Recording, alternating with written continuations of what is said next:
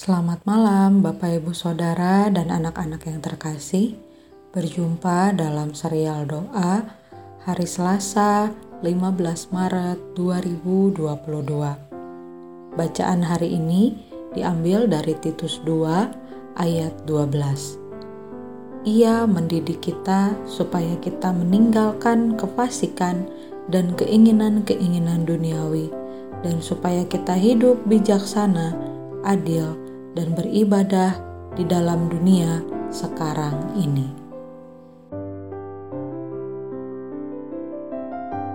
Bapak, ibu, saudara, sebagai manusia, pasti kita pernah mempunyai harapan ataupun keinginan yang sesuai dengan hal-hal populer di sekitar kita entah itu tentang baju-baju, tentang makanan yang sedang viral, ataupun barang-barang yang kita lihat banyak digunakan orang lain. Bapak, ibu, saudara, kiranya segala keinginan yang kita miliki tidak membuat kita melakukan hal-hal yang tidak baik.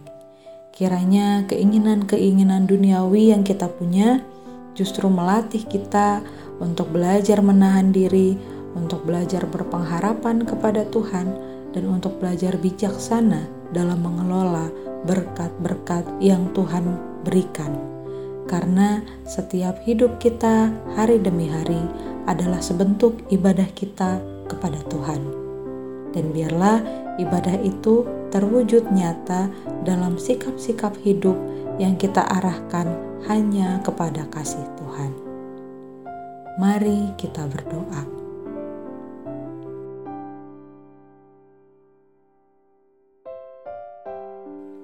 Ya Bapa, kami bersyukur untuk kehidupan yang Engkau berikan.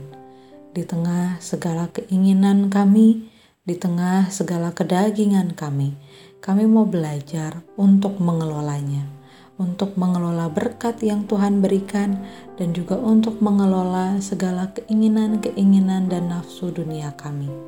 Biarlah ya Tuhan, kami mau dan kami dapat belajar setiap hari untuk mensyukuri setiap kehidupan, setiap hal yang Tuhan anugerahkan.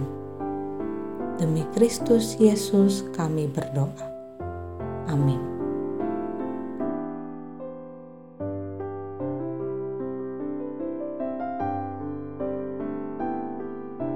Saya Penatua Esther Novaria Selamat malam, Tuhan memberkati.